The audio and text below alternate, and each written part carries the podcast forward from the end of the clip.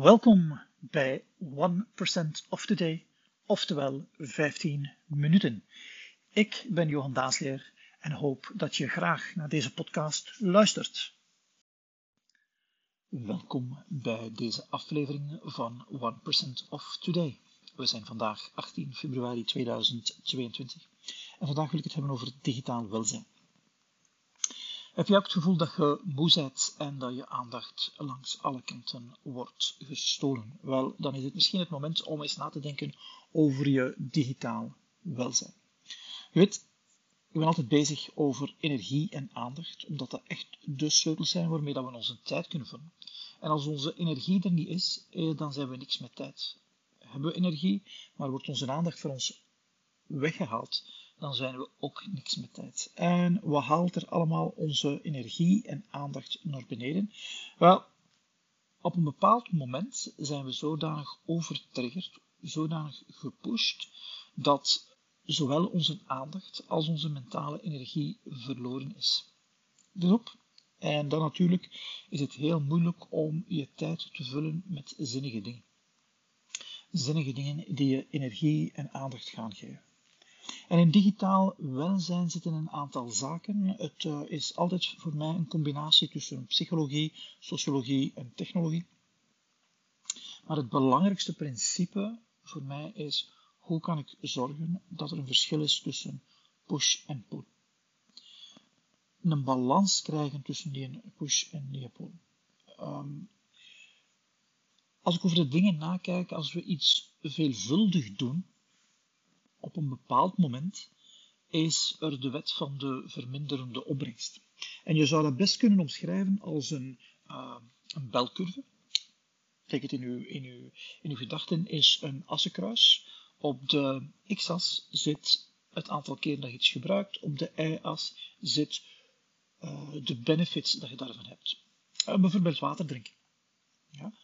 Je drinkt één druppel water, de benefits gaan niet zo groot zijn. Maar je drinkt wat meer water en de curve gaat stijgen. Hoe meer water je drinkt, hoe meer opbrengst. En dat is fase 2 van de curve. Fase 1 was, ah, ik heb iets gedronken, niet heel veel, maar ik heb geen enkel opbrengst. Dus in die eerste fase is meer geen extra. Maar in fase 2 is, hoe meer dat we daarvan doen, hoe meer benefits dat we hebben. Dus daar hebben we voor elke uh, verbetering, voor elke meer, hebben we ook meer opbrengst. En op een bepaald moment gaat die belcurve in de sweet spot zitten. Het punt waarbij dat de opbrengst maximaal is. Meer doen op dat moment gaat de opbrengst verminderen. En dat is de wet van de verminderende opbrengst. En je kunt dat best voorstellen door zo een belcurve. Maar die belcurve als je die doortrekt naar beneden, dan gaat die uh, ja, op de negatieve y-as. Iets dat we veelvuldig gebruiken, op een bepaald moment is alleen niet de opbrengst weer nul, op een bepaald moment wordt de opbrengst gewoon negatief. En ook bij het digitale is dat zo. Ja, Ene keer uw e-mails per dag lezen gaat u een bepaalde opbrengst geven vijf keer per dag uw e-mails lezen, gaat u misschien meer opbrengst geven. Maar op een bepaald moment gaan meer keren uw e-mails lezen geen extra opbrengst meer geven. Maar hoe meer dat je dat doet, op een bepaald moment is de opbrengst negatief. En digitaal welzijn heeft een stukje te maken met wat is nu die sweet spot. Want ik heb helemaal niks tegen digitale tools. Digitale tools helpen ons, maar ze hebben ook een negatieve kant. En het is, hoe kan ik met digitaal welzijn in die sweet spot blijven? Hoe kan ik met digitaal welzijn ervoor zorgen dat ik energie en aandacht heb om binnen het tijdsbestek dat ik heb effectief te worden en content te zijn? Ja, digitaal welzijn dus. En um, het gaat over voor mij, ja, hoe kan ik dan zorgen dat ik connecties heb in real time? connecties in real time met mensen. En dat kan digitaal zijn, moet analoog zijn. Maar we weten allemaal dat ja, elkaar zien in dezelfde ruimte toch nog iets anders is dan elkaar zien op een schermpje. Maar als we alleen een schermpje hebben, gaan we het daar wel mee moeten doen. soms is het ook genoeg. Maar soms is die ja, sociale energie voldoende opgeladen. Zeker voor mensen die uh, introvert zijn, die hebben af en toe tijd nodig weg van mensen, alleen tijd. En dan kan iets meer werk doen digitaal, op afstand, asynchroon, een groot voordeel zijn. Als ik nu nadenk over digitaal welzijn, dan komen er een aantal zaken naar boven. Verslaving komt naar boven, zeker. Um, maar er komt ook ja, naar boven van, goh, uh, het is over een zekere aandacht voor de impact van het digitaal.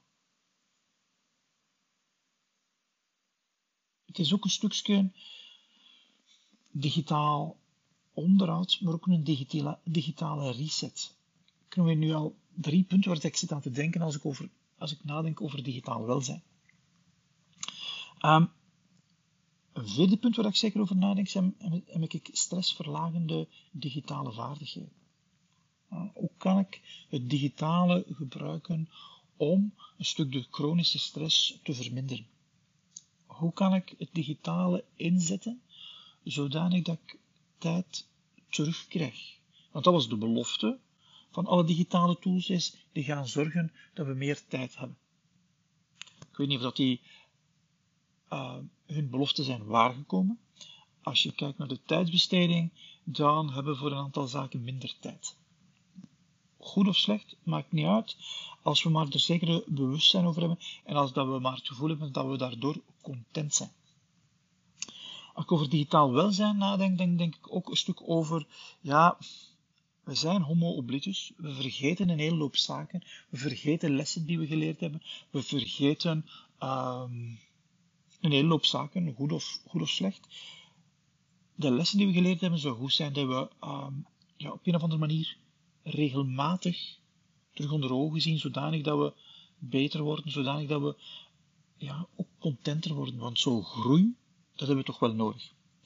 En in plaats van homo oblitus, dat we naar een stukje homo digitalis gaan, om een stuk de ja, de ongeschiktheid van ons als mensen die digitale wereld een stuk te niet doen. Dat betekent digitale tools gebruiken om het leven makkelijker te maken. Niet alleen om het leven makkelijker te maken, maar ook om te verbeteren van mijn energie en aandacht. Ik het nu zes punten, maar waarschijnlijk kan ik er op een aantal nog komen. Het is iets, het digitale welzijn dat nu op mijn radar staat, waar ik de komende weken wat meer ga over doen om uh, helderheid in te krijgen. Wat wil ik daarin betekenen? Uh, bijvoorbeeld met collega's afspraken maken rond welk kanaal dat we gaan gebruiken om elkaar een taak door te geven. Ja, dat hoort voor mij ook bij digitaal welzijn. Regelmatig deconnecteren hoort bij mij ook bij digitaal welzijn. En het ene ga ik moeten afspreken met mensen, het andere kan ik alleen doen. Als organisatie kunnen we ook een aantal dingen doen. Als maatschappij kunnen we ook een aantal dingen doen. Zodanig dat digitale tools ons benefits gaan geven en dat het gebruik in de sweet spot blijft. Voilà, mijn rand voor vandaag. Dank om te luisteren allemaal en tot de volgende. Dankjewel voor het luisteren naar 1% of Today of 15 minuten. Ik ben nog altijd Johan Daasleer en wil je bedanken voor je tijd. Stuur deze aflevering ook door naar je vrienden en kennissen die hier iets aan zullen hebben. En deel ons op sociale media. Deel ons met de hashtag 1POT. Dan kan ik je vinden en veel dankjewel zeggen. Tot de volgende aflevering.